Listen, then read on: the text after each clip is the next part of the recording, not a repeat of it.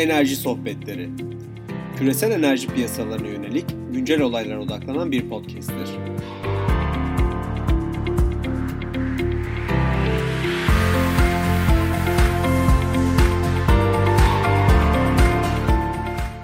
Merhaba, 19 Aralık 2020 tarihinde enerji tarihi serimizde doğalgaz tarihiyle BOTAŞ eski genel müdürlerinden, genel müdürlerinden Sayın Gökhan Yardım'la devam ediyoruz. Gökhan Bey merhaba. Merhaba Barış Bey. Ee, Gökhan Bey gerçekten çok keyifli podcastler yaptık. Çok güzel mesajlar aldım geçtiğimiz hafta. Ee, bu hafta kaldığımız yerden devam edelim. Buyurun. Tabii çok teşekkür ederim. Estağfurullah. Ee, ben de e, benim açımdan da iyi oluyor. Eski defterlerimi karıştırıyorum. Neler var unuttuğum, unutmadığım konular nedir diye. Şimdi e, biraz hatırlatmak açısından e, hem ben hem de izleyicilerimiz hatırlasınlar. E, boru hattı inşaatı devam ediyordu. Ankara'ya kadar gelecekti. İlk kısmın 75 kilometre devreye alınmıştı. Hamitabad santraline doğalgaz verilmişti. Hı hı. Bugün Twitter'ı okurken Gagavuz Türklerinin Türkçe konuşmasını e, okudum. Orada bir örnek çok hoşuma gitti. Tabii hemen bugün tekrar konuşacağımız aklıma gelince bizim bir e, Sovyetler zamanında tercümanlarımız vardı iki tane. Biri Gagavuz Türk'üydü. E, çok güzel Türkçesi vardı. E, diğeri de e, Gürcü'ydü. Gürcü e, Amiran'dı. Onun ismini hatırladım da Gagavuz Türk'ünün Türkçesini hatırlayamadım ama Gagavuz Türk'ünün Türkçesi çok güzeldi. Biz müzakerelerimizi tabii Rusça e, Türkçe tercüme olarak ilk başları yapardık ve bu arkadaşımızın güzel Türkçesi her zaman bize e, yardımcı olmuştur. Şimdi boru hattı inşaatı devam etti. Boru hattı devreye alındı dedik. Ankara'ya kadar boru e, doğalgaz geldi. E, o sıralarda tabii e, bazı sıkıntılarımız da oldu. Her şey böyle güllük gülistanlık olmuyordu. E, işletmede sıkıntılarımız oldu. Onlardan kısaca bahsedeyim. E, e, İKSAŞ'a doğalgaz verilmeye başladıktan sonra İKSAŞ'taki en büyük sıkıntımız İKSAŞ istasyonunun girişindeki filtrelerin tıkanması oluyordu. Sürekli filtreler e, filtrelere su geliyordu, filtrelere toz geliyordu ve tıkanıyordu. Hatta bir seferinde e, filtre yırtıldı da orada çok İKSAŞ açısından çok önemli. Çünkü doğalgaz orada katalizörlere gidiyor. Katalizörleri kirletirse e, yani bayağı yüklü milyonlarca dolar zarar olabilir diye çok hassastık. En e, sıkıntı İKSAŞ açısından buydu. Filtrelerin e, dolması ve yırtılması. Bir süre sonra ama bu e, geçti, bunu atlattık. E, kış geldi. Ankara'da ama çok sınırlı tabii e, doğalgaz kullanılıyor. Çünkü şebekenin e, hava gazından doğalgaza e, döndürülmesi böyle kolay bir işlem değil. Ankara'daki şebeke e, daha yeniydi İstanbul'daki şebekeye göre ama yavaş yavaş yapılan, çok dikkatli yapılan e, bir işlemdi. Ve e, bir gün bir telefon geldi, kış oldu tabii. Kış oldu bir telefon geldi. E, Nezih Bey beni arıyor. E, ya bu ne rezalet. Buyurun genel müdürüm nedir? E, açmıyor musun haberleri? Aç televizyonu dinle. Televizyonu açtım bir baktım ki bir e, duyuru yapılıyor. EGO Genel Müdürlüğü vatandaşların doğalgaz kullanmamalarını, doğalgaz ocaklarını açmamalarını istiyor. Ankara'nın basıncı sıfır bara kadar düşmüş şebeke basıncı. Eyvah ne oldu? Hemen atladık tabii arabaya. E, yapracağa gittik. E, o zamanlar bizlerin telsizlerimiz de vardı. Kendi telsiz sistemimiz de vardı. Telsiz başucumda uyurdum ben. Hatta eşim de hala zaman zaman söyler. Yani o ne günlerdi böyle gece yarısı telsiz öter. İşte şu oldu bu oldu diye. Gittik yapracığa. Nedir? E, yapracıktaki regülatörler donmuş. E, teknisyenler üzerine sıcak su döküyorlar. E, e, ısıtıcılar var. Isıtıcılar çalışmıyor mu? Isıtıcılar da e, çalışmıyor. Isıtıcı niye? Sebep ne? Ankara'da tabii kar, kı, kış, soğuk.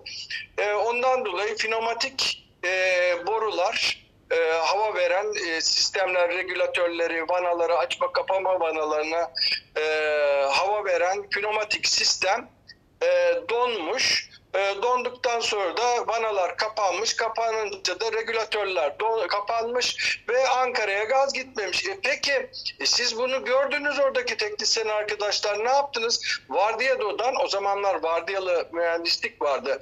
Ben eski Ego e, olduğumu, mühendis olduğumu söylemiştim. Ego'da e, vardiyalı çalışılıyordu. Ve oradan da ilk başta vardiya sistemi koymuştuk. Vardiyadaki ama mühendisler e, yapracıkta durmuyorlardı. Ellerinde telsizler sabaha kadar evlerinde teknisyenlerle konuşuyorlardı. E ne oldu söylemediniz mi arkadaşa? E açtık telefon söyledik. E, tamam tamam dedi kapattı. Ya neyse arkadaşımızı bulduk. Ya ne oldu? Sormayın Gökhan Bey uyuyakalmışım. Tabii ertesi gün gazeteler işte e, BOTAŞ uyudu, vanalar kapandı, Ankara üşüdü diye haberler geçtiler. Fakat e, o ilk yıllarda e, çok önemli sorunlarımızdan bir tanesi de bu e, kışın e, sistemlerin donmasıydı. Buna karşı ne yapalım, dünyada ne yapılıyor diye araştırdık. O zaman ısıtıcı koyular e, koyalım dedik. Çünkü flow'lar çok azdı. Çok düşüktü. Akış çok düşük olduğu için de bu pneumatik sistemler donuyordu. Tabii bunların kılcal borularını biz ısıtıcılar bağladık. Bu ısıtıcılar sayesinde de e, bu sistemin e, önüne geçtik e, ve bir daha böyle sıkıntılar yaşamadık. Gene ee, Ankara'da neyse ki tüketim çok azdı. Başka bir olay daha oldu. Sanırım 1989 veya 90 yılının başıydı. Bir gün bir telefon geldi. Teknisyen arkadaşlarımız arıyorlar. Denizden kabarcık çıkıyor. Allah Allah. Denizden kabarcık çıkıyor. Hemen genel müdüre söyledik. Nedir denizden kabarcık çıkıyor? Bılıp bılıp kabarcıklar var. Ya gidin bakalım elinizdeki analizörlerle bir bakın. Nerede? Ambarlı'da denizden kabarcık çıkıyor. Ee, gitti oraya arkadaşlarımız. Hemen biz de atladık gittik oraya. Gerçekten de denizden kabarcık çıkıyor. E ne olmuş? Boru hattında kaçak var. E, denizde kaçak var. Allah Allah nasıl? Bir baktık ki e, Ambarlı'nın girişinin e, Ambarlı deniz girişinin orada çok büyük dağ gibi bir toprak yığını var. Büyük bir harfiyat çalışmaları, toprak yığınları ve istasyonun olduğu yere büyük toprak yığılmış.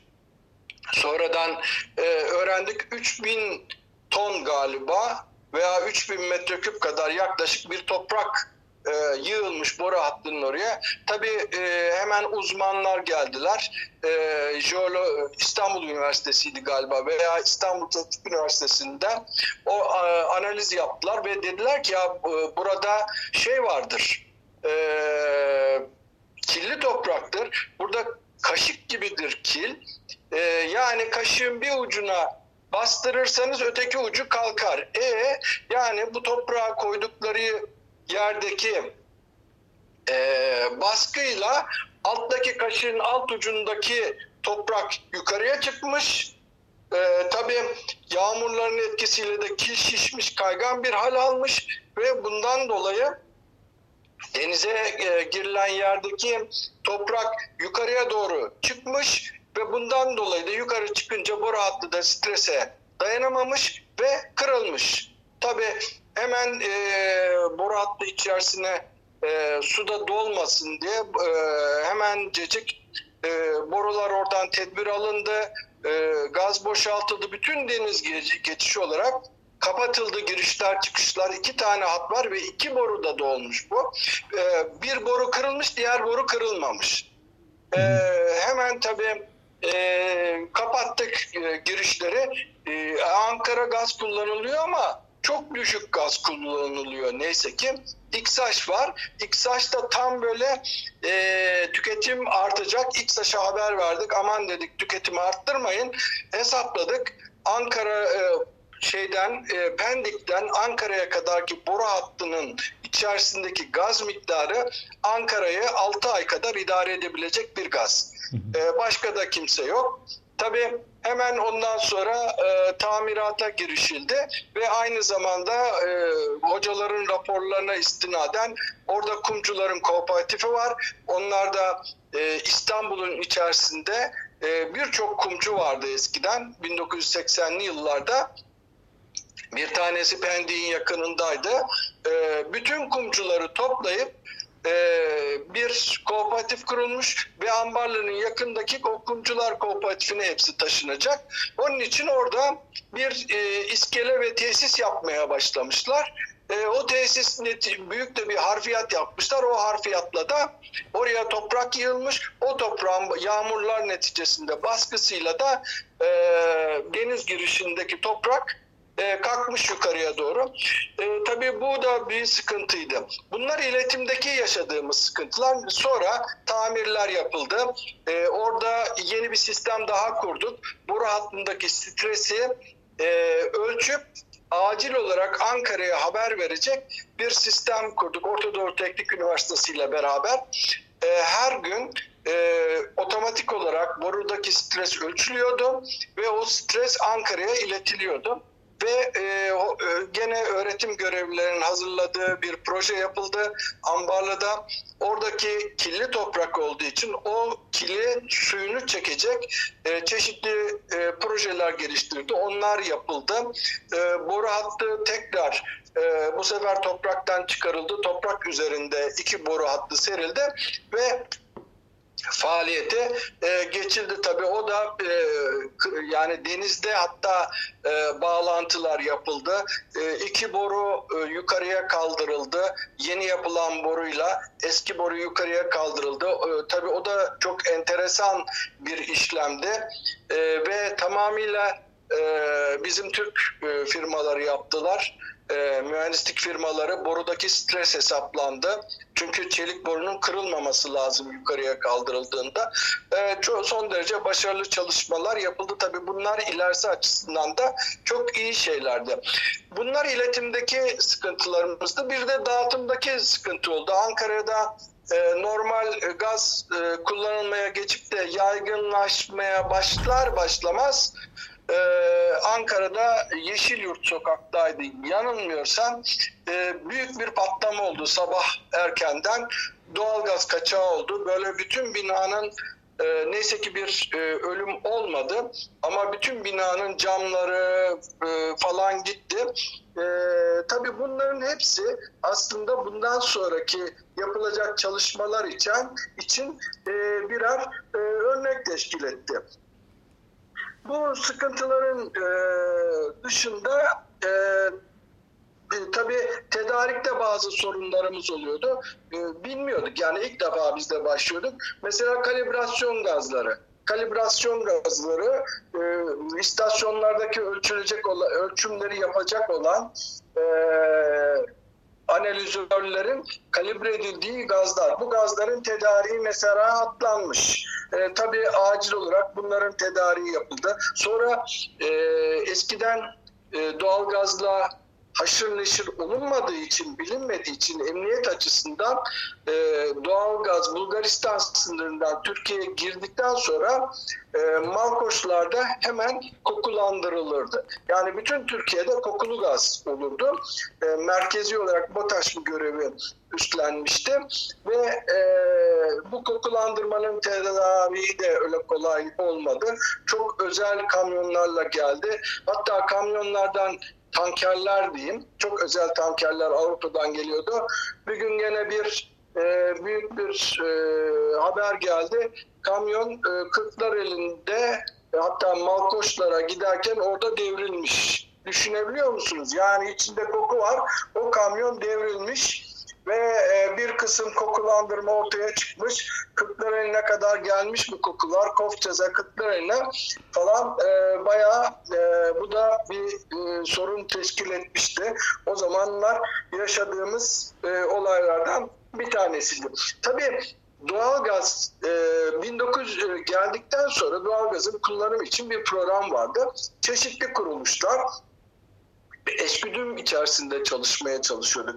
Bunlardan bir tanesi de Türkiye Gübre Sanayi'di. 1989 yılında TÜKSAŞ'ın devreye girmesi öngörülmüştü bizim planlarımıza göre.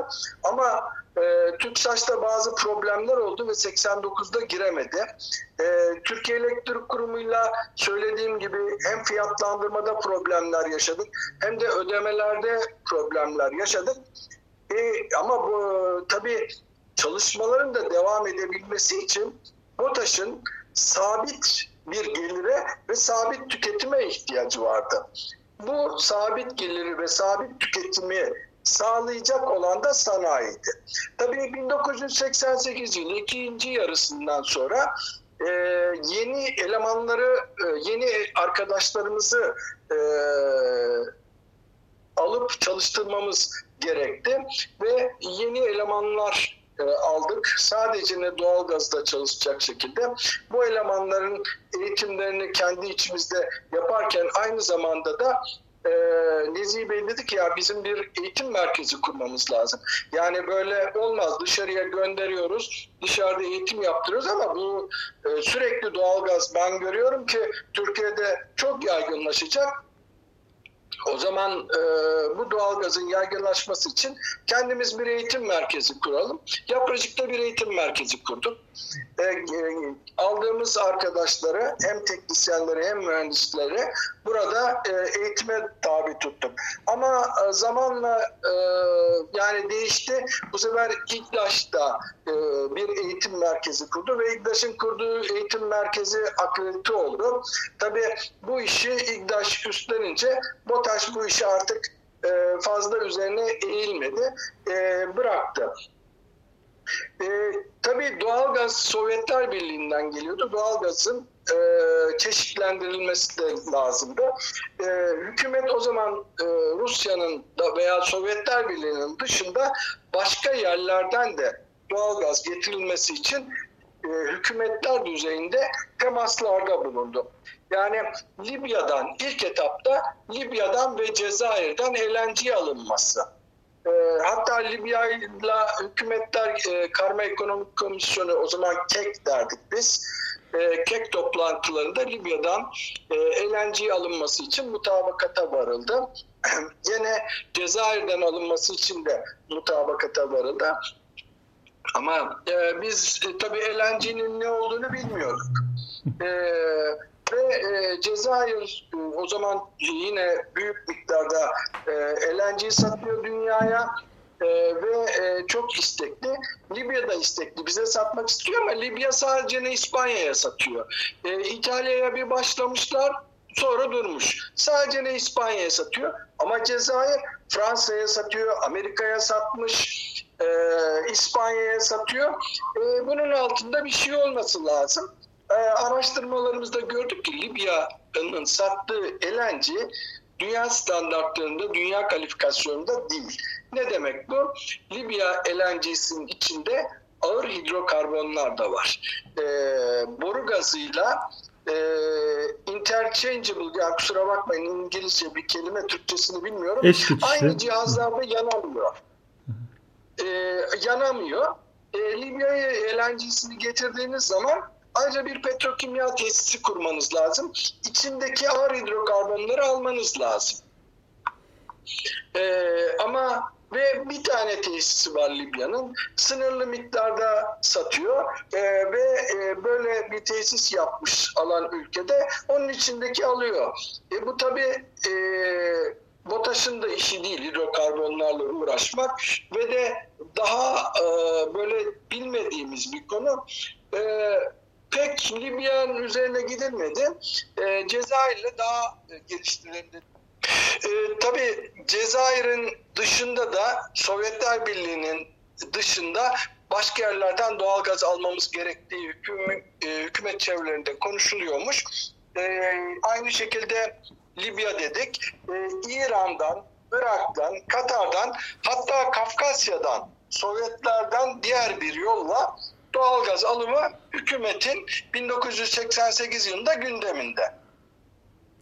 E, bu işler şöyle oluyordu. Önce e, hükümet tabii konuşuyor kendi arasında, e, kendi içinde e, kek toplantıları oluyor. Karma ekonomik komisyon toplantıları orada konu gündeme getiriliyor ve e, doğalgaz alalım sizden karşılığında mal satalım olur olmaz e, olursa nasıl olur?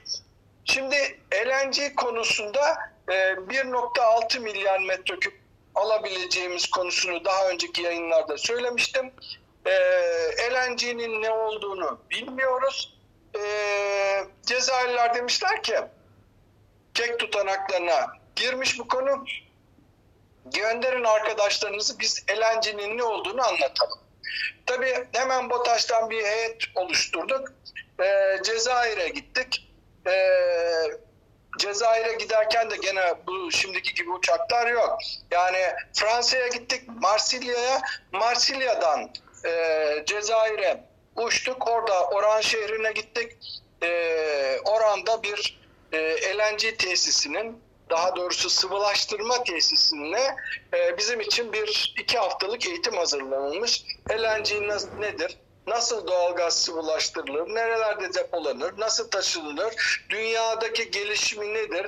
Nereden çıktı LNG? Çok e, güzel bir eğitim e, verdiler ve biz e, tamamıyla bu Oran şehrindeki e, tesiste fabrika yani sıvılaştırma tesisinde kaldık. Orada mühendisler için çok güzel e, evler yapılmış. O evlerden bir tanesini e, bize tahsis ettiler.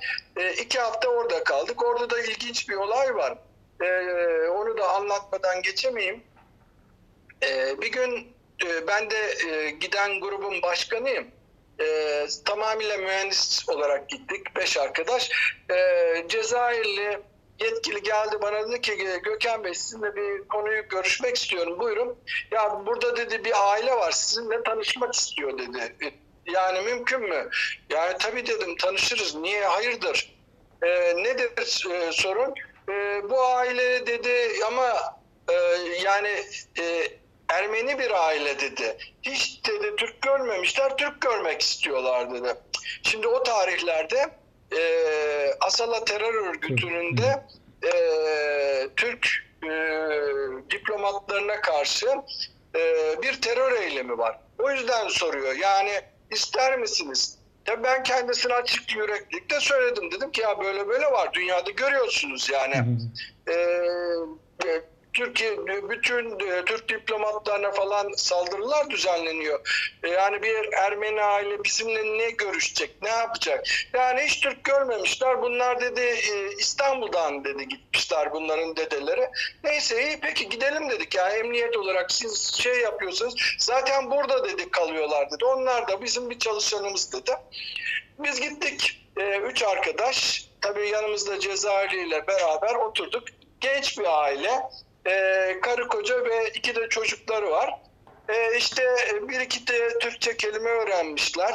E, çünkü e, aileleri, e, anneleri, babaları hatta anne babaları değil de onun e, yani babaannesi, anneannesi e, İstanbul'da kalıyorlarmış, İstanbul'da yaşıyorlarmış. Sonra oradan e, Fransa'ya e, göç etmişler. E, çok e, İstanbul hakkında ve Türkiye ve Türkler hakkında güzel şeyler söylemişler.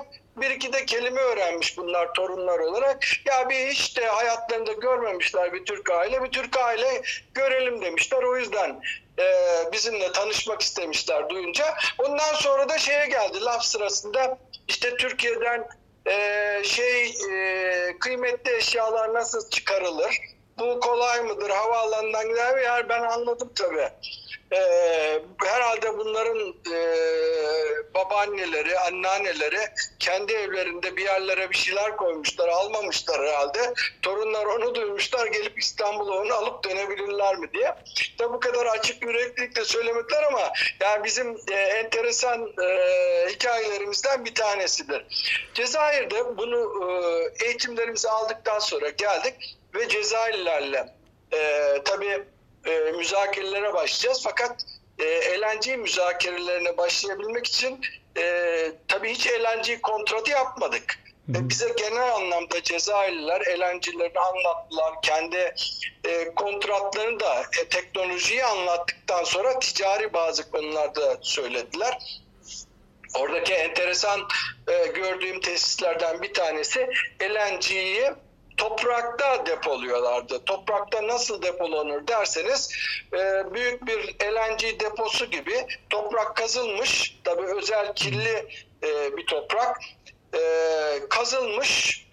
O toprağın üstü kapatılmış. Özel tankla, çelikle kapatılmış izolasyonlu ve o oraya LNG'yi depolamışlardı. Bu bir İngiltere'de bir örneği varmış. İkinci örneği de e, e, Cezayir'de kendileri yapmışlar. Tabii öyle e, başarılı olsa bu tür depolama çok uzun, e, çok maliyetler düşecekti LNG'nin depolanması açısından. Yoksa LNG tesislerinde en büyük maliyeti bu LNG e, tankları yapıyor. Tabii tank çeşitlerini de bize anlattılar. Neyse tabii e, alım satım müzakerelerine başlayacağız Cezayir'le ama bir e, yardıma ihtiyacımız var. E, nasıl yapılmış, ne yapılmış? E, o konuda da e, en gelişmiş o zaman Avrupa ülkesi Fransa'ydı. E, Sofregas, Fransa'nın e, mühendislik şirketi Sofregaz'dan e, yardımcı olmasını istedik. Sofregaz'dan e, gaz alım satım e, yetkilileri geldiler. E, bize hem ticari hem teknik e, bir hafta eğitim verdiler. E, ve ama Cezayir fiyatlarının ne olduğunu söylemediler. Kendi kontratlarını söylemediler ama kontratlarında nelere dikkat etmek lazım? Nasıl yapılır? LNG nasıl ölçülür? Ölçüm sistemi nedir? O konudaki teknik konuları bize anlattılar. Biz de kendileriyle Cezayir'le olan kontratı paylaştık Ee, ve o kontrat üzerinde de fikirlerini aldık. Ee, o yönde de böyle bir çalışmalarımız oldu. Ama şimdi burada hem Cezayir hem Rus müzakerelerindeki iki farklılığı da bahsetmek istiyorum. Ee, Ruslarla müzakereler daha kolaydı. Cezayirliler daha hassas insanlardı. Yani kişilik olarak çok hassaslar ve hemen kırılıyorlardı. Ee, ama e, Ruslarda böyle kırılma yoktu. Ee, Ruslarla yani iyi müzakerecilerdi. Hala da öyledir. İyi müzakere ederler. Ama e, müzakereler konusunda o zaman komünizm olduğu için karşınızda oturan heyette e, önemli kişiyi anlamanız lazım. E, anahtar kişiyi bilmeniz lazım. O anahtar kişiyi e, bildiğiniz zaman o anahtar kişiye neyi nasıl istediğinizi, siz nereye kadar gidebileceğinizi, karşı taraftan ne beklediğinizi özel olarak iletirseniz bir sonraki toplantıda onların bütün cevaplarını alırsınız. Ve hatta çok daha kolay olur ondan sonra müzakere. Ama Cezayirlilerde böyle bir olay yoktu. Cezayirliler çok daha katıydılar müzakerelerde ve hemen de kırılıyorlardı. Ee, müzakerelerde, Cezayir müzakerelerinde e, Cezayir fiyatları tamamıyla enerji bazlı milyon BTU olarak fiyat e, belirleniyordu. Hala da öyle sanıyorum. E, ve Cezayirliler için petrol gelirleri önemli. O yüzden de her şeyi e, petrol gelirlerine baz ediyorlar. Yani doğal gaz da olsun, yani LNG de olsun, ham petrol de olsun. E, ülkede petrol fiyatı 50 dolarsa benim gelirim şu olur. Ülkedeki fiyat 80 dolarsa e, dünyadaki fiyat 80 dolarsa benim gelirim şu olur. E, onların mantıkları o şekildeydi. Rusların öyle değil. Ruslar da e, her şeyi e, Doğa, Avrupa doğalgaz piyasasına baz etmek istiyorlar. Oradaki benim reputasyonum bozulmasın ve e, kimse de birbiriyle konuşup fiyatları öğrenmesin. Hem Cezayir'de hem Rusya'da bu fiyat konuları gizliydi hala da gizlidir. Bunlar dikkat ederseniz ben de fiyat konularına hiç e, girmiyorum. Çünkü bu konular e, şu anda dünyada da e, uzun dönemli anlaşmalarda gizli Ha iyi midir, kötü müdür? e, bunlar tartışılabilir. Ama o zamanki olayları o zamanki şartlarında değerlendirmek lazım. Şimdiki olayları şimdiki şartlarında değerlendirmek lazım tabii. Şimdi dünyada e, açık ve şeffaflık e, yönünde gidiliyor. Artık e, bizim zamanımızda o tarihlerde e, doğalgaz ticareti tamamıyla e, ülkeler arasındaki e, devlet şirketleri arasında yapılan bir e, alım satımdı. Özel şirketler yoktu. E, İngiltere'de British Gas devlet şirketiydi. E, Fransa'da Gaz de France, İtalya'da e, Eni, ona bağlı e, Snam. E, yani hep kamu şirketleriydi. Kamu şirketleri arasındaki ilişkiler vardı. E, o yüzden de e, kimse ötekisinin ne yaptığını ne ettiğini bilmiyordu. Hatta e, bizler e, öğrenmek istediğimizde ya bu fiyatlar nedir diye e, söylemezlerdi. Yani İtalyanları çok sıkıştırdık, Fransızları çok sıkıştırdık, Rus fiyatları nedir diye söylemezlerdi. E, formüllerini bile gizli tutarlardı. E, dünyada şöyle bir fiyat formülleri vardır. O şekilleri anlatırlar. Bunlar şu şekilde hesaplanır e, diye onları e, söylerlerdi. E, o yüzden de e, ona o zamanlar e, saygı duyardık. Tabii Cezayir'le e, biz 1.6 milyar metreküp çünkü kek toplantısını öyle geçmiş e, başladık. E, fakat müzakerelerde e, genel müdürle Nezih Bey'le tabii biz de birazcık artık pişmeye başladık. Ne yapabiliriz, ne edebiliriz diye bazı e, taktikler hem Ruslara hem e, Cezayirlilere karşı e, kendi taktiklerimizi de geliştirdik. O kapsamda da 1.6 milyar metreküpü 2 milyar metreküp olarak revize ettik. E, 1.6 milyar metreküp tamamıyla konutların o zamanki yapı, yaptığımız etütlerde konutların ihtiyacıydı. E, bunu 2 milyar olarak e, sonra yani gelişir diye koyduk. Öyle bir anlaşma yaptık. İlk anlaşma 2 milyar metreküplüktür. E, fakat e, sonra e, sanırım rahmetli Hayrettin Uzun'un genel müdürlüğü zamanında e, Bursa'da Ovakça santralı yapılacaktı. Ovakça santralının e, yaklaşık 2 milyar metreküp doğalgaza ihtiyacı vardı. Ve e, eskilerde e, bunları anlatacağım sonra. Ama e, e, doğalgaza talepte çok büyük bir artış olduğu için bu santralın doğalgaz talebi yoktu. O zaman bu 2 milyar metreküp 4 milyar metreküpe çıkarıldı Cezayir'le. E, tabii e, bazı tesislerin söylediğim gibi TÜPSAŞ'ın geri gelme, e, gecikmesi, e, mesela 1900 ben tabii bu konuşmalara başlamadan önce eski notlarımı da bakıyorum. 1987 e, notlarıma bakıyorum. E, 1987 yılında e, mesela yaptığımız e, İstanbul Belediyesi ile e, bir toplantı var. E, o zaman e, miktarlar söylenilmiş bize.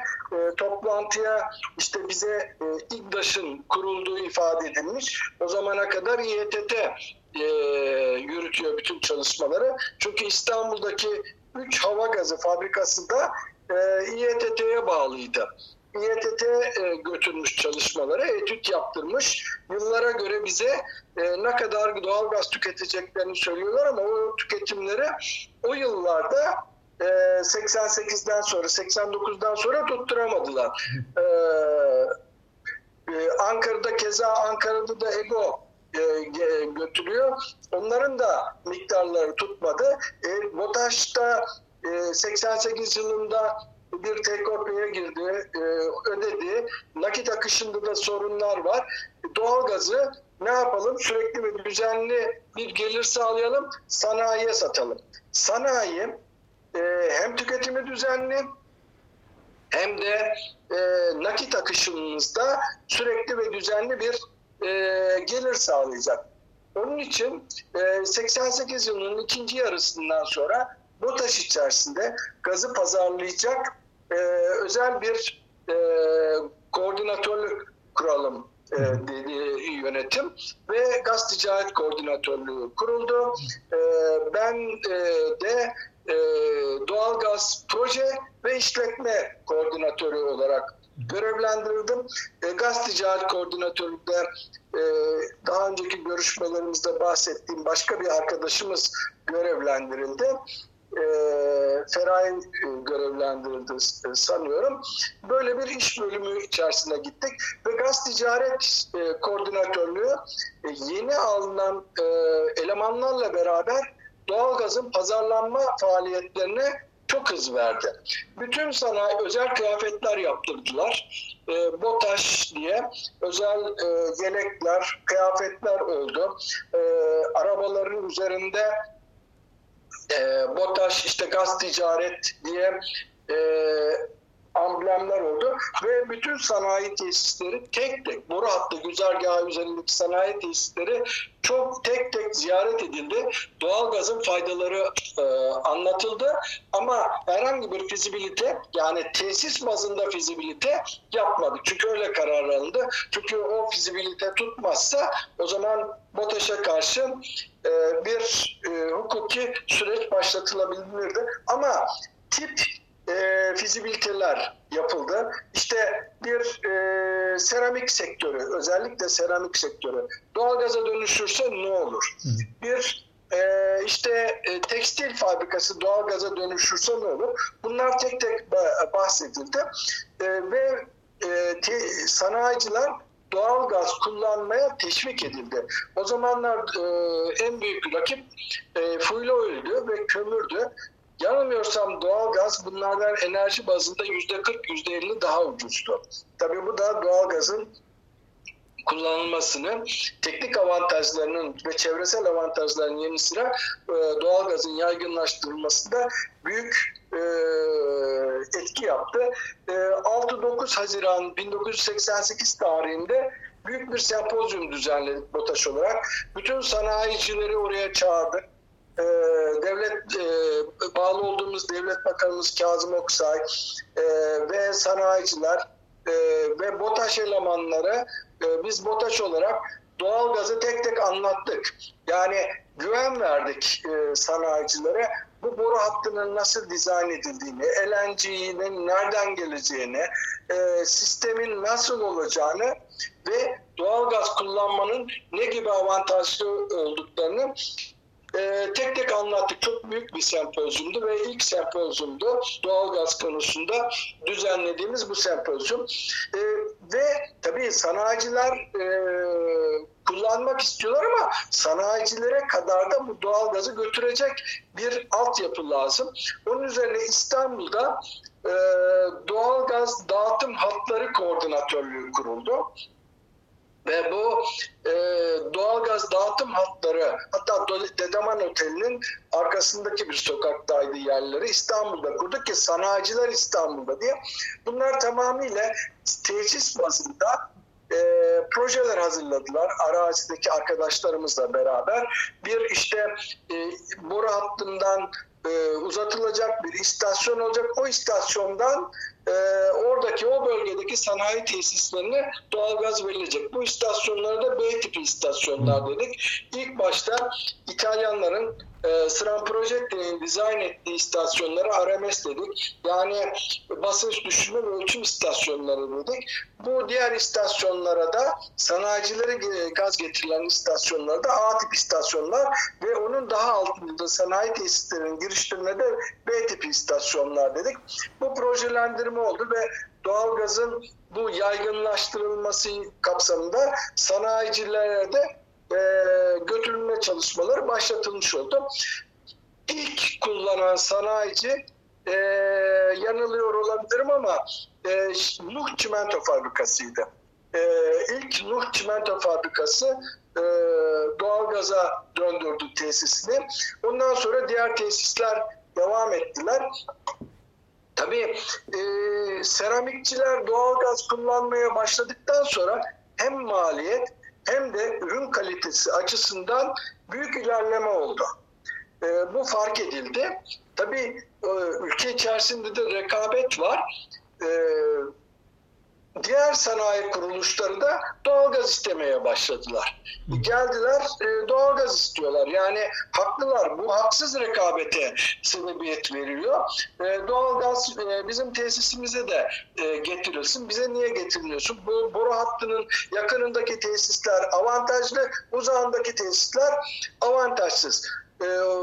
Doğalgazın bu isteği sanayinin e, doğalgazı olan bu isteği yeni projeler yapılmasına yol açtı.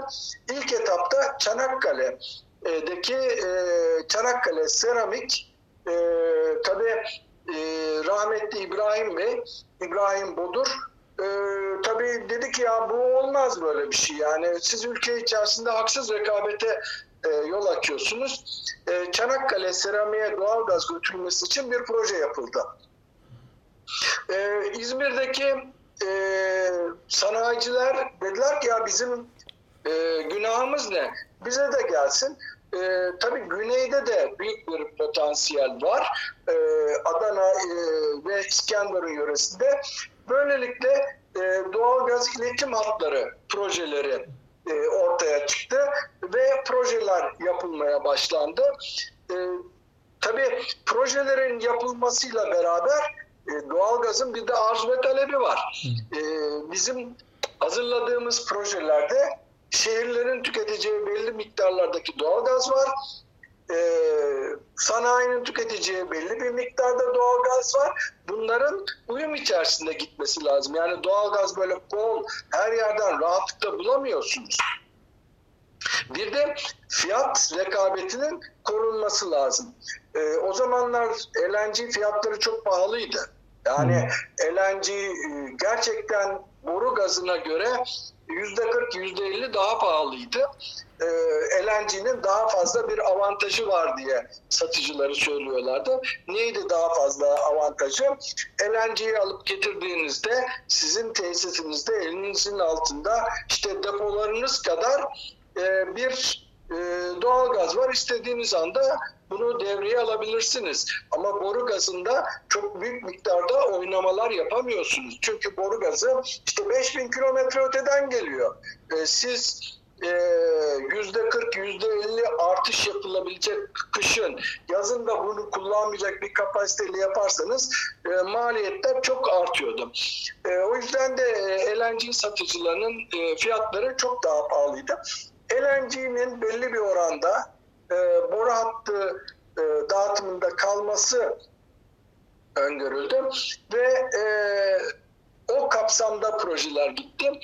E, yani LNG'yi çok fazla da arttıramıyorduk o zaman. Şimdi e, Mar e, LNG terminalinin yer seçiminden de bir parça bahsedeyim. E, boru hattında kırılma olduğu için e, bizler tabii kırılmadan önce de düşünüyorduk nerede olabilir diye. Orada da o projede de Kellogg mühendislik şirketiyle çalıştık. E, Kellogg e, baktığında bizim sistemimize e, LNG terminalleri tabii e, tüketim açısından ileride de British Gas'ın yaptığı ilk etüt çerçevesinde e, yani kuzey batı Türkiye'den daha çok Orta Anadolu'ya, güneye ve batıya doğalgaz oralarda tüketim merkezleri vardı çünkü e, gidecek o zaman LNG terminalini Anadolu yakasında yapmak çok daha mantıklı e, sistem güvenliği açısından Anadolu yakasında neresi olabilir? Kellogg'da çalışıldı. E, Gemlik olabilir. E, veya İzmit Körfezi'nin girişi olabilir. E, Gemlik Körfezi'ne e, ve e, İzmit e, Körfezi oralara e, bir tanesi için İl Çevre Müdürlüğü'nden e, izin alamadık. Yani yok dedi buraya olmaz çevresel açısından LNG terminaline müsaade etmem diye e, yazı geldi. E, İzmit'in orada kırma konusunu da e, Genelkurmay müsaade etmedi. E, dedi ki burası askeri açıdan uygun değildir dedi. Ben detaylara girmiyorum tabii. E, o zaman şey kaldı e, gerimizde boru hattının güzergahına baktığınızda o zaman e, Gemlik'ten Ankara'ya Eskişehir'e gidiyor. Henüz hat şeye uzatılmış değil. 1987 yılının sonlarından 88 başlarından bahsediyorum. hat Çanakkale'ye gitme falan yok daha. Sanayicilere e, verilme olayı yok bu bahsettiğim olaylarda. E, Marmara Eğrelisi'ni bulduk. E, orada yapılabilir diye bir öneri vardı. Diğer bir öneri de e, Saros Körfezi'ydi. E, Saros Körfezi'ne de e, çevre müdürlüğünden izin alamadık o zaman. E, olmaz burada balıklar yumurtluyor dediler. Kala kala elimizde bir tek şey kaldı. E, Marmara Eğrelisi kaldı. Marmara Eğrelisi'ne tesis kuralım dedik. E, Marmara Eğrelisi'ndeki çalışmalara başlayacağız. Bu sefer de e, rahmetli Marmara Eğrelisi Belediye Başkanı e, Enis Bey'di galiba. O zaman belediye başkanımız daha sonra milletvekili oldu. O itiraz etti. Ben dedi buraya dedi kurdurtmam dedi. E, buraya dedi Marmara Eğrelisi'nin dedi genişleme sahası burası dedi. Ben buraya dedi yazlıklar yapacağım dedi. Marmara Ereğlisi'nde turizmi geliştireceğim dedi. Hiçbir yer kalmıyor elimizde. Tabii Nezih Bey gitti hemen rahmetli Özal'la konuştu. Ee, rahmetli Enis Bey de belediye başkanı Özal da aynı partiden. Ee, Özal tabii çok kızdı buna. Ne demek dedi böyle şey olur mu dedi. Ee, siz de ben dedi ki bu meseleyi hallederim merak etmeyin dedi. Ee, sonraki gittiğimizde e, Enis Bey e, artık o, o ne diyeyim yelkenleri indirmişti diyeyim ben. E, itiraz etmedi E, ve Marmara Ereğlisi'nin yer seçimi de böyle e, yapılmış oldu. Onu da e, atlamayayım diyorum. E, burada duralım mı? İsterseniz bir soru sorabilir miyim burada? Tabii, tabii. E, aklımda olan iki soru var. Birincisi sanayici doğalgaza geçerken hani fiyatlar e, nasıldı ki? İleri doğru fiyatlar nasıl belirleniyordu ki sanayici güvendi, kömürden bu tarafa geçti bir. İkincisi de bu sezonsallık konusu yani kış talebinin yaz talebinden çok üzerinde olması konusunu hiç gündeme geldi mi bu müzakereler sırasında? Tabii, tabii konuşayım. Tabii. Başlayayım? Sen soracak mı cevap vereyim yoksa? Yo buyurun, de, buyurun devam edelim. Şimdi sanayicilerle görüşmelerimizde e, sanayiciler e, fiyat istikrarı nasıl olacak diye soruyorlardı tabii. Tesislerini doğalgaza döndürecekler ama e, bundan e, ne kar elde edecekler? Yani çevresel açısından tamam ama e, bir de e, sanayici belli bir e, kar marjıyla çalışıyor ve e, fiyatların belli bir seviyede olması lazım. Biz 1987 yılında doğalgaz almaya başladıktan sonra Sovyetlerden fark ettik ki doğalgaz fiyatları ilk tahmin ettiğimiz seviyelerde değil. Ee, söylemiştim işte ne Rusların önerdiği fiyat ne bizim önerdiğimiz fiyat ikisinin ortası bir fiyat rahmetli Özal tespit etti diye ve doğalgazda herhangi bir vergide e, muaf olduk. E, ve fiyat bir fiyat formülümüz var. E, baktık fiyat formülüne. Fiyat formülü e, düzgün çalışmıyor. E, niye düzgün çalışmıyor?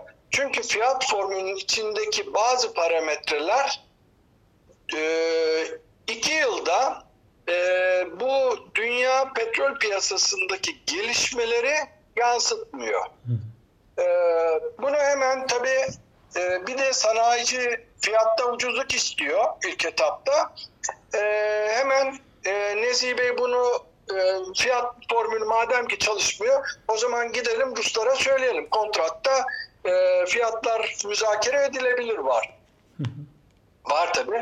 Hemen onun gerekli yasal prosedürlerine başladık ve e, e, e, e, Rusya müzakeresini açtık. Daha doğalgaz yeni gelmiş. 1987'nin Haziran'da 86-84 yılında hükümetler arası anlaşmada tespit edilmişti fiyat formülü.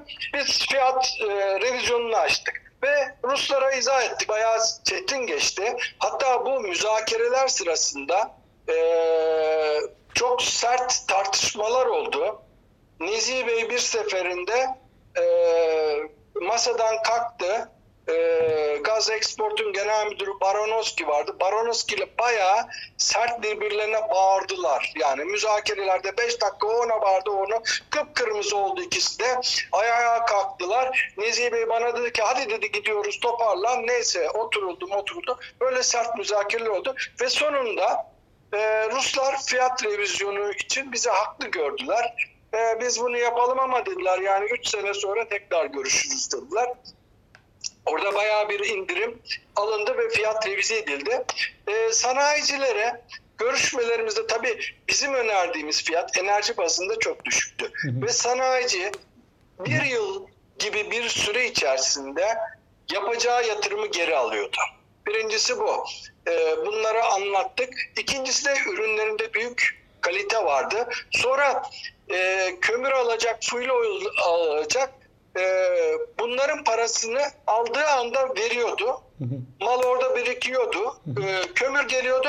Kömür yanıyordu o bölgede. Niyet kömürleri var. Aldığı yerde kalitesi düşüyordu. e, e, yanıyordu. Sonra eleman açısından tasarruf ediyordu. Bunları tek tek anlattık. Fuelol geliyordu. Fuelol e, donuyordu. Kışın donuyordu. Brülörler donuyordu. Tesislerde üretim aksıyordu. Halbuki doğalgazda büyük rahatlık oluyordu. Hı. Vanayı çeviriyordu. Başka hiçbir şey yapmıyordu. Eleman da azdı. Her şey otomatik oldu. Bunları tek tek anlatınca Türkiye'deki sanayici son derece akıllı, zeki ve uyanıktır. Ee, bu tür yeniliklere çok açıktır. Orada ben bir kere daha gördüm. Ve çok girişimcidir. Son derece girişimcidir. Ve doğalgazı çok kısa sürede sevdi ve aldı. Ee, birinci sorunuz buydu. Belki orada Ee, e, belki orada şuna değinmek gerekebilir mi? Şimdi fiyatlar ülkede enflasyon %60 civarındaydı. Özal dönemindeki ikinci dönemi yanlış hatırlamıyorsak. E, ya, yani doğalgaz fiyatı ay başında 1000 lira, e, ayın sonu, yılın sonunda e, 1600 Yok, lira. o, o zamanlarda olmuyordu. Öyle mi? Olmuyordu öyle. Hı hı. Öyle olmuyordu. E, fiyatlandırmayı da ben istersen bir parça anlatayım. Olur. E, şimdi sanayiciye doğalgazı biz Türk lirası bazında sattık. Hı E, ve 3 ay boyunca Türk lirası bazında satış fiyatlarımız sabitti. hı. E, bunu deklare ettik. E, Özal zamanında e, yani fiyatlar Özal'ın başbakanlığı döneminde fiyatlar çok stabildi E, ve e, fazla değişmiyordu E, ve serbest kura geçilmişti ülkede. Dolar da serbestti artık E, ve dalgalanmaya bırakılmıştı ve e, büyük bir ihracat hamlesi başlamıştı. Ama dağıtım şirketlerine, e, elektrik santrallarına ve gübre fabrikalarına dolar olarak satıyorduk. Yani devlet kuruluşlarına dolar satıyorduk. Belediyelere de dağıtım şirketlere de dolar olarak gazı satıyorduk. Ankara ve İstanbul e, belediye kuruluşlarına dolar olarak satıyorduk. Ama 2000 yılında e, rahmetli Ecevit'in hükümeti zamanında benim genel müdürlüğümde bunu değiştirdik. Belediyeleri de Türk lirasına e, döndük. Ama aylık fiyatlandırmaya döndük. O zamanlar sanayiciye bir tarife yaptık. Sanayicilerin tüketimlerine göre e, asgari e, al ya da öde miktarlarını farklılaştırdık. Tek as, al ya da öde yoktu. Her bir e, sanayi kuruluşunun yani belirli miktardaki tüketimlerin al ya da ödeleri farklıydı ve e, fiyatları farklıydı. Büyük e, tüketenlerin al ya da öde miktarları yüksekti. E, fiyatları daha düşüktü.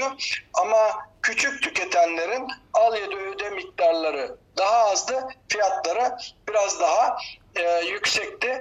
Bu pazarlama politikası e, başarılı oldu. Yani doğalgaz e, sanayiye çok hızlı olarak girdi ve sanayide tüketildi. E, ama konutlardaki dağıtım e, şirketlerinde e, pek o kadar hızlı ilerlemedi ilk yıllarda. Ama 95 yılından sonra, 94-95 yılından sonra özellikle İstanbul'da e, büyük tüketim başladı. Ankara'da da büyük tüketim oldu.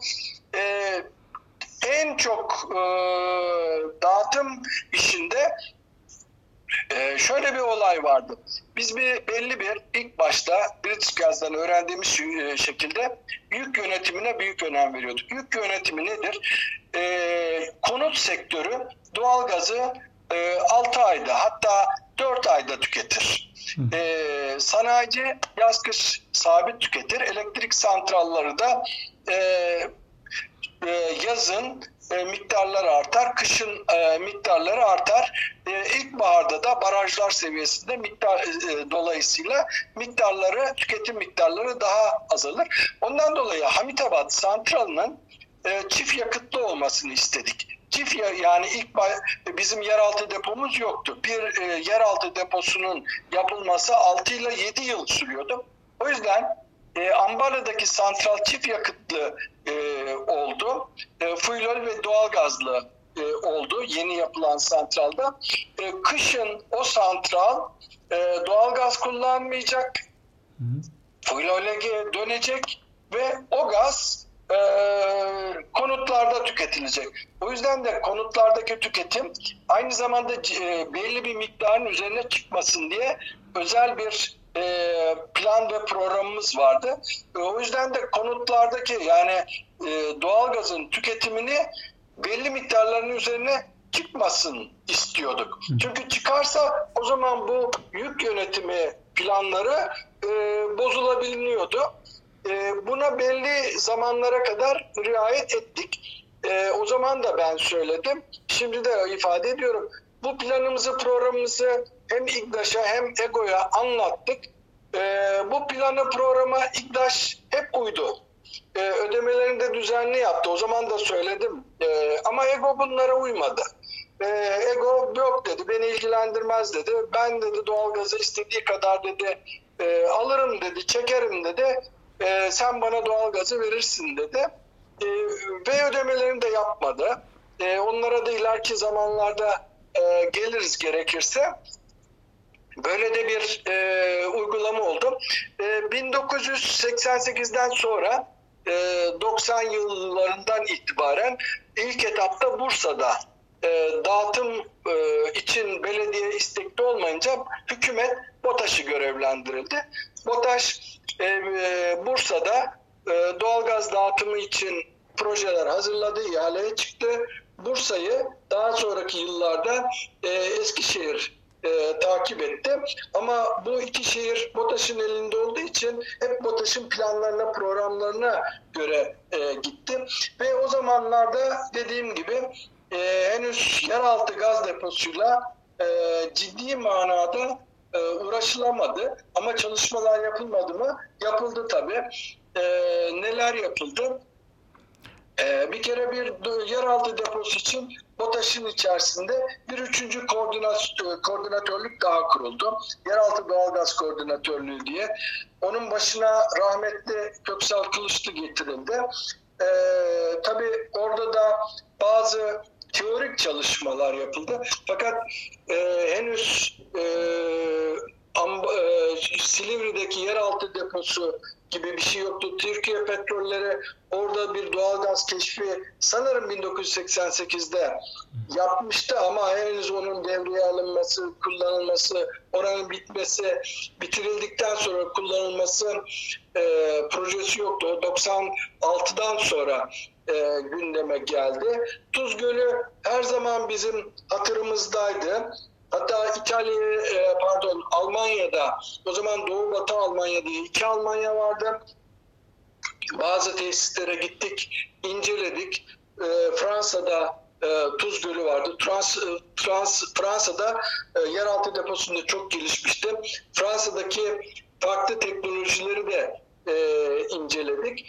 E, tabii ilk doğal, en büyük doğalgaz sahası Hamitabat'tı. Hamitabat'ı boşaltıp burayı yeraltı doğalgazı deposu olarak kullanabilir miyiz diye e, düşünceler vardı. Fakat e, yapılan görüşmelerde Hamitabat'ın e, teknik olarak kullanılamayacağı anlaşıldı. Çünkü Hamitabat çok sıkıydı. Oradaki gözenekler çok sıkıydı. Üretim içeris- içinde e, çatlatma operasyonları yapılıyordu. Çatlatma operasyonu yapıldı ve bu kadar sıkı gözeneğin olduğu sahaların e, bitmiş yeraltı gaz deposu olarak kullanılması e, mümkün değildi. O yüzden Hamitabat e, kullanılamaz. anlamadı. Ee, Sayın e, Gökhan Yardım çok teşekkürler anlatımınız için. Biz tabii bu podcast'te yarın devam edeceğiz ama izleyicilerimiz 3 gün sonra bunu duyabilecekler. Çok teşekkürler. Sağ olun.